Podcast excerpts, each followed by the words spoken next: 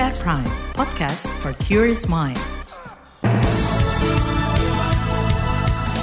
Selamat pagi saudara, senang sekali kami bisa menjumpai Anda kembali melalui program Buletin Pagi. Untuk edisi hari ini Kamis 23 Maret 2023 bersama saya Agus Lukman. Sejumlah informasi pilihan telah kami siapkan, di antaranya pedagang pasar meminta pemerintah terus memastikan stok pangan aman saat Ramadan. Wakil Presiden mengajak masyarakat memperbaiki mentalitas diri. Perbaikan jalan di Jawa Barat dipercepat menjelang Lebaran. Inilah buletin pagi selengkapnya. Terbaru di buletin pagi. Ikatan Pedagang Pasar Indonesia IKP menyebut harga sejumlah komoditas bahan pokok merangkak naik sejak sebelum bulan Ramadan tiba.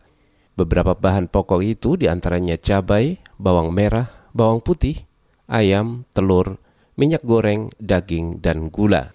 Sekretaris Jenderal IKP Renaldo Sarijowan meminta pemerintah memastikan ketersediaan stok pangan di pasaran. Ia mengatakan biasanya terjadi lonjakan permintaan memasuki masa Ramadan. Karena permintaan yang tinggi bahkan dua kali lipat tentu harus diimbangi dengan uh, supply. Jadi uh, tiap tahun ini selalu begini sebenarnya.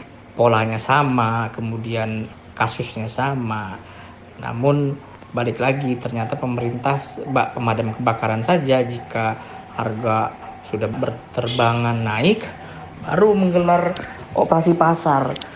Operasi pasar yang sepenuhnya juga eh, hanya jangka pendek. Sekretaris Jenderal Ikatan Pedagang Pasar Indonesia IKP, Renaldi Sarijawan mengatakan permintaan pasar terhadap komoditas pangan mulai meningkat sejak tiga hari menjelang Ramadan harga-harga pangan akan terus naik jika stok di pasar terbatas. Renaldi mengingatkan, kenaikan harga ini bisa terjadi lagi menjelang Idul Fitri jika tidak ada penyesuaian stok di pasaran. Selain itu, alur distribusi pangan juga akan terganggu saat memasuki arus mudik dan balik lebaran.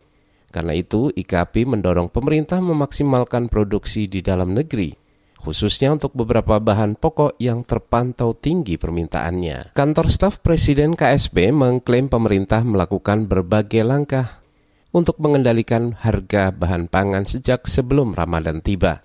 Tenaga ahli utama kantor staf Presiden Erizal Jamal mengatakan, upaya pengendalian harga dilakukan lintas kementerian. Ia menyebut ada 12 komoditas yang selalu dipantau pemerintah. Mulai dari beras, gula, kedelai, cabai, kemudian bawang putih, bawang merah. Itu yang kita monitor secara ketat ya, terutama komoditi-komoditi yang memang mempengaruhi inflasi dan juga harganya cenderung tidak stabil. Itu mendapat perhatian kita. Kita juga punya data yang terkait dengan supply dan kita monitor itu dengan baik. Dan kalau ada kecenderungan harga naik, kita akan coba melihat dari supply-nya. Dan kita memberikan warning dan meminta meminta kepada kementerian terkait untuk melakukan upaya-upaya agar suplai bisa lancar dan seterusnya. Tenaga ahli utama kantor staf Presiden KSP Erizal Jamal menambahkan, pemerintah juga terus memantau pergerakan harga dari data di lapangan. Upaya stabilisasi harga pangan tak hanya dilakukan oleh pemerintah pusat, namun juga pemerintah daerah di bawah koordinasi Kementerian Dalam Negeri. Erizal mengatakan daerah yang mengalami surplus pangan akan memasok daerah yang kekurangan stok. Selain itu, pemerintah juga akan menggalakkan kegiatan atau program pasar murah. Di tempat lain, saudara lembaga Ombudsman RI menyarankan pemerintah memperbaiki mekanisme distribusi pangan guna mencegah kenaikan harga yang tidak wajar. Anggota Ombudsman RI YK Hendra Fatika mengatakan, saluran distribusi harus diperpendek untuk mencegah penimbunan barang. Pemerintah harus uh, memperpendek saluran distribusi. Jadi membantu barang-barang dari petani itu langsung dimasukkan ke pasar, itu tanpa melalui tangan-tangan pengumpul dan lain sebagainya. Nah, jadi operasi pasarnya seperti itu harus langsung ke pasar bukan melalui operasi bazar karena operasi pasar itu sering kali pencitraannya yang banyak. Anggota Ombudsman RI YK Hendra Fatika menambahkan pemerintah juga harus bisa mendeteksi dan memantau kenaikan harga di setiap komoditas. Dengan begitu, bisa ditelaah mana saja kenaikan yang dinilai tidak wajar.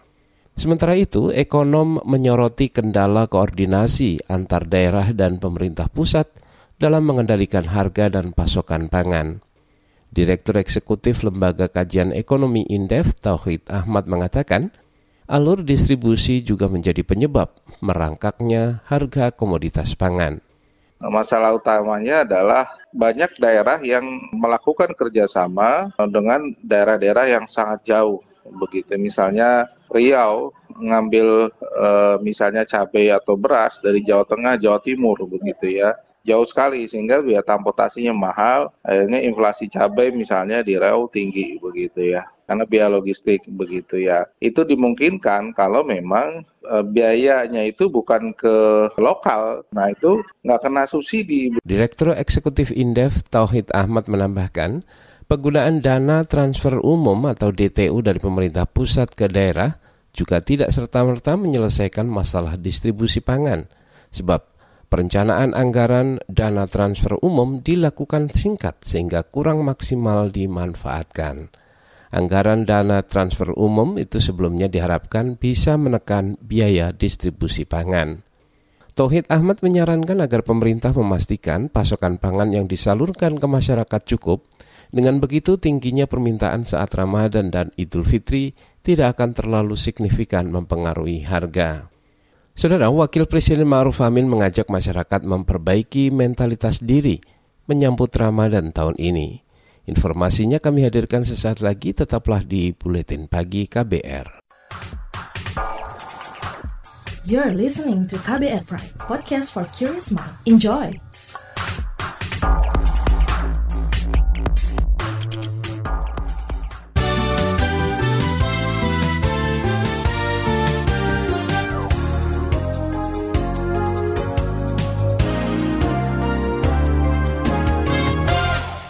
Anda sedang mendengarkan Buletin Pagi KBR, siaran KBR mengudara melalui satelit ke lebih dari 350 radio jaringan di Nusantara. Saudara, pemerintah menetapkan awal ibadah puasa atau satu Ramadan 1444 Hijriah jatuh pada hari Kamis ini. Keputusan itu diambil pemerintah tadi malam berdasarkan hasil sidang isbat penentuan amal Ramadan. Menteri Agama Yakut Khalil Komas mengatakan pengamatan posisi hilal dilakukan di lebih dari 120 titik di Indonesia. Oleh karena itu, berdasarkan hisap posisi hilal seluruh Indonesia sudah di atas ufuk dan telah memenuhi kriteria Mabims serta laporan Ruyatul Hilal. Tadi kita bersepakat secara mufakat bahwa satu Ramadan 1444 Hijriah jatuh pada hari Kamis tanggal 23 Maret 2023 Masehi. Itu tadi Menteri Agama Yakut Khalil Kaumas. Sementara itu saudara menyambut datangnya bulan Ramadan, Wakil Presiden Ma'ruf Amin mengajak umat Islam menjadikan bulan Ramadan ini sebagai momentum untuk memperbaiki mentalitas dalam mengendalikan diri. Ia mengingatkan masyarakat menjaga persatuan dan tidak terprovokasi informasi bohong selama tahun politik. Dalam menyambut bulan Ramadan yang mulia dan sama-sama kita rindukan ini, diperlukan persiapan-persiapan maksimal untuk menyambut datangnya bulan suci Ramadan, baik persiapan fisik maupun persiapan mental. Ramadan sudah selayaknya kita jadikan sebagai momentum untuk meningkatkan kualitas diri kita, bukan semata menahan lapar dan dahaga. Ramadan dapat melatih kecerdasan dan kearifan kita dalam memilih kebaikan dan meninggalkan keburukan dilakukan. Wakil Presiden Ma'ruf Amin juga mengajak masyarakat lebih banyak bersyukur karena telah melewati berbagai tantangan yang dihadapi bangsa. Kita bergeser ke informasi lain. LSM Hak Asasi Manusia Kontras menilai catatan hak asasi manusia Amerika Serikat terkait pelanggaran HAM di Indonesia harus dijadikan koreksi bagi pemerintah. Peneliti LSM Kontras, Rosie Brilian mengatakan, pemerintah harus terus memperbaiki penanganan HAM di tanah air. Dalam uh, laporannya begitu ya, kan ada beberapa hal ya soal fenomena ke kejadian bahkan sampai tahap level kebijakan yang tercantum gitu ya. Misalnya dalam konteks penyiksaan, extrajudicial killing, kemudian beberapa hal lainnya yang sangat penting tentu saja bagi uh, keberlangsungan HAM di Indonesia. Nah, itu yang kami lihat harus dijadikan sebagai masukan, koreksi gitu ya bagi uh, penentuan kebijakan. Peneliti LSM Kontras Rosie Brilian menyebut tahun lalu Amerika Serikat juga mengeluarkan laporan serupa namun tidak ada perbaikan bagi perlindungan HAM di Indonesia. Kementerian Luar Negeri Amerika Serikat saudara awal pekan ini menerbitkan laporan tahunan HAM negara-negara di seluruh dunia.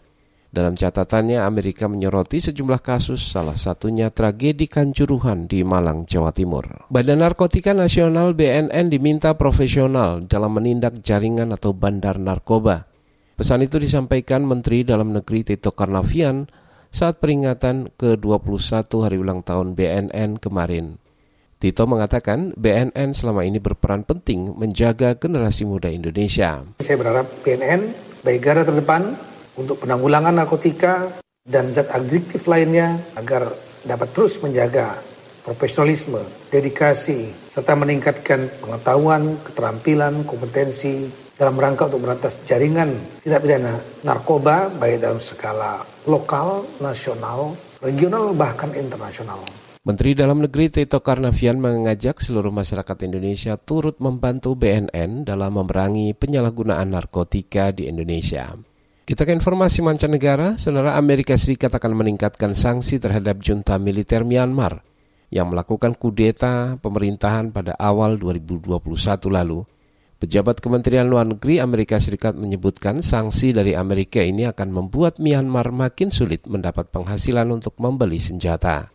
Sejauh ini Amerika Serikat telah menjatuhkan sanksi terhadap 80 individu dan lebih dari 30 entitas di Myanmar karena kudeta. Kita ke informasi olahraga, saudara sejumlah pemain yang merumput di luar negeri mulai bergabung dengan skuad tim sepak bola nasional Indonesia untuk menghadapi Burundi di laga persahabatan bertajuk FIFA Matchday. Salah satu pemain yang berkiprah di luar negeri, Elkan Bagot, telah bergabung bersama Riko Simanjuntak dan kawan-kawan. Pelatih timnas Indonesia memanggil total 28 pemain untuk melawan Burundi. Laga persahabatan akan digelar dua kali yaitu pada 25 Maret dan 28 Maret mendatang. Di bagian berikutnya, saudara kami hadirkan laporan khas KBR mengenai mencari keadilan untuk korban tragedi Kanjuruhan. Tetaplah di Buletin Pagi KBR. You're listening to KBR Pride, podcast for curious mind. Enjoy!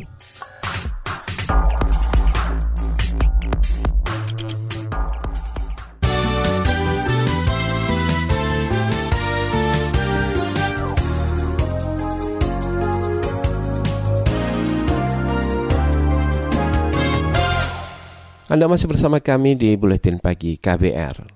Saudara, vonis bebas terdakwa kasus tragedi Kanjuruhan dinilai tidak adil bagi korban dan keluarganya. Tragedi Oktober tahun lalu itu menuai sorotan dari berbagai penjuru dunia, termasuk Amerika Serikat yang memasukkan peristiwa itu dalam catatan masalah HAM di Indonesia. Berikut kita simak laporan khas KBR disusun jurnalis Heru Haitami. Kementerian Luar Negeri Amerika Serikat mengeluarkan laporan tahunan hak asasi manusia HAM negara-negara di seluruh dunia pada Senin 20 Maret 2023. Dalam catatan seperti yang tertuang di stats.gov/reports, Amerika memasukkan rekam jejak HAM Indonesia selama 2022. Berbagai kasus disoroti, salah satunya tragedi kanjuruhan di Malang, Jawa Timur. Dalam laporan itu disebutkan polisi diduga menggunakan kekuatan berlebihan untuk mengendalikan massa. Kasus yang disorot Amerika itu kini sudah sampai pembacaan vonis. Hasilnya, dua polisi terdakwa tragedi kanjuruhan divonis bebas oleh Majelis Hakim Pengadilan Negeri Surabaya pada akhir pekan lalu. Dua polisi itu yakni bekas Kasat Samapta Polres Malang, Bambang Sidik Ahmadi dan ex-Kabak Ops Polres Malang, Wahyu Setio Pranoto. Menurut Ketua Majelis Hakim Abu Ahmad Sidik Amsi, Setio Pranoto tidak bersalah dan tidak pernah memerintahkan penembakan gas air mata. Memerintahkan agar terdakwa dibebaskan dan sendiri dikeluarkan dari tahanan. Sedangkan satu polisi lain, yakni bekas dan Kiprimo Polda Jawa Timur Hasdarman, difonis 1,5 tahun penjara.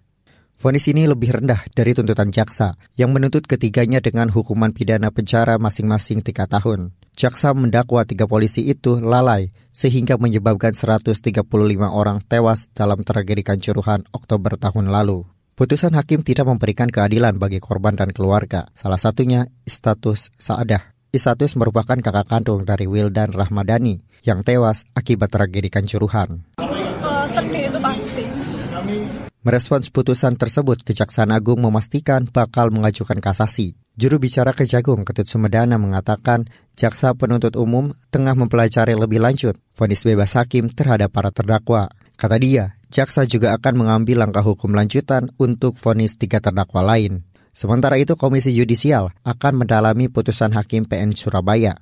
Juru bicara Komisi Yudisial, Miko Ginting mengatakan pendalaman perlu dilakukan guna mengetahui ada atau tidaknya pelanggaran etik oleh hakim.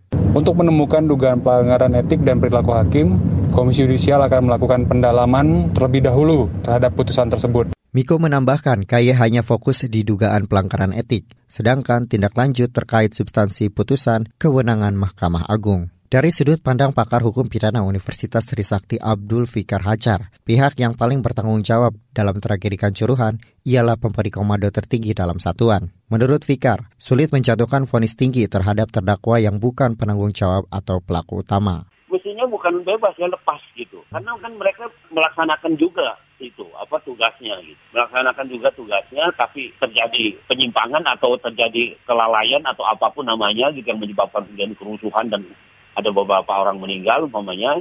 Nah itu kan sebenarnya de facto-nya tanggung jawab mereka yang di lapangan. Tapi de jure-nya sebenarnya tanggung jawab itu ada yang diberi perintah nomor satu di atas itu gitu. Berdasarkan analisis koalisi masyarakat sipil, proses hukum yang terjadi sejak awal dirancang untuk gagal mengungkap fakta dan kebenaran yang terjadi. Koalisi menduga ada upaya melindungi aktor-aktor lain yang seharusnya bertanggung jawab secara hukum.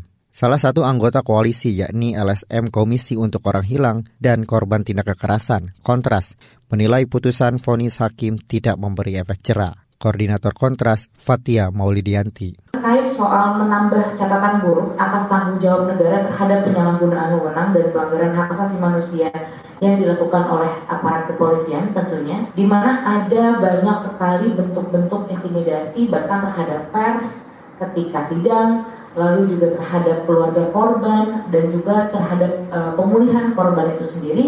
Dan tidak adanya bentuk evaluasi ataupun pengawasan yang cukup baik secara eksternal terhadap kepolisian. Koordinator Kontras Fatia Maulidianti menyebut PSSI hingga TNI Polri tidak menjalankan secara menyeluruh hasil rekomendasi Tim Gabungan Independen Pencari Fakta TGIPF Tragedi Kanjuruhan. Salah satu bunyi rekomendasi itu ialah meminta TNI Polri menyelidiki anggota atau pihak yang melakukan tindakan berlebihan pasca pertandingan Arema versus Persebaya, semisal aparat atau pihak yang menyediakan dan menembakkan gas air mata. Menurut Fatia, alih-alih menindaklanjuti rekomendasi, kepolisian justru terkesan mengecap kultur supporter sepak bola sebagai pemicu peluncuran gas air mata. Padahal seharusnya aparat harus melakukan pembenahan dengan pengusutan dan pemberian sanksi tegas terhadap para personel yang bersalah. Demikian laporan khas KBR, saya Heru Haitami. Informasi dari daerah akan kami hadirkan sesaat lagi, tetaplah di KBR Sore. You're listening to KBR Pride, podcast for curious mind. Enjoy!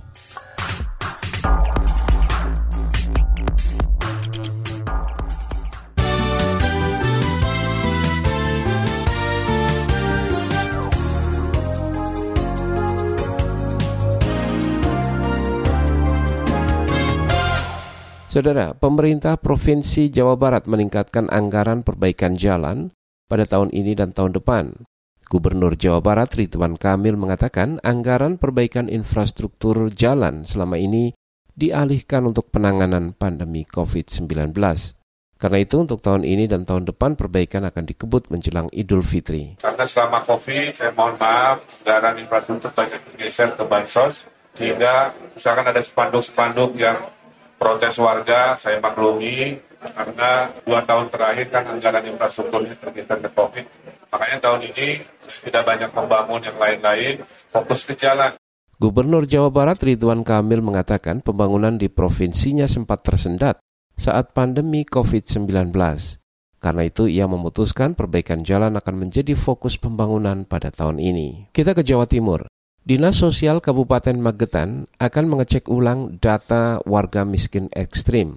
Kepala Dinas Sosial Kabupaten Magetan Parminto Budi Utomo mengatakan, dari 14.000 warga miskin ekstrim terdapat data yang kurang valid. Saat verifikasi di lapangan ditemukan hanya 6.000 warga yang masuk golongan atau kategori miskin ekstrim. Namun saat musyawarah perencanaan pembangunan, pemerintah desa mengusulkan 8.000 warga masuk miskin ekstrim. Kalau yang 6.000 yang hasil P3KI itu insya Allah sudah mengarah ya, karena hmm. memang ternyata dari 21 jadi 6.000 itu ya gambaran kami itu sudah mulai hmm. menyasar. Yeah. Tapi yang 8.000 itu yang tidak seobjektif mungkin itu mas. Yeah. Usulan itu satu kecamatan ada yang 1.700 ya. Hmm. Ketika ada pendataan ini ada bantuan. Sehingga hmm. ini ya aji mumpung gitu ya. ya kita masukkannya aja usulan. Ya. Ini kan hmm, kemudian mengganggu proses untuk penanganan kemiskinan ekstrim. Bisa tidak objektif mengusulkan sehingga kita takutkan itu bukan sasaran malah nanti yeah. salah sasaran. Kepala Dinas Sosial Kabupaten Magetan Perminto Budi Utomo menambahkan verifikasi ulang dilakukan untuk memastikan data yang akan disahkan tepat sasaran. Kita bergeser ke Papua. Penyelesaian aksi kekerasan di Papua tidak bisa hanya semata-mata dilakukan melalui penegakan hukum. Itu disampaikan Kepala Badan Nasional Penanggulangan Terorisme BNPT, Boy Rafli Ahmad saat rapat koordinasi penegakan hukum di Papua. Dilansir dari Antara, Boy Rafli mengatakan perlu ada upaya pencegahan dengan pendekatan humanis penanganan kekerasan di bumi cendrawasih tidak selalu dengan senjata. Selain itu, menurut Boy Rafli, penegakan hukum juga harus dilakukan secara imbang dan tidak diskriminatif. Informasi tadi saudara menutup jumpa kita di Buletin Pagi hari ini. Pantau juga informasi terbaru melalui kabar baru, situs kbr.id, Twitter kami di akun @beritaKBR, serta podcast di alamat kbrprime.id. Akhirnya saya Agus Lukman bersama tim yang bertugas kami undur diri. Salam.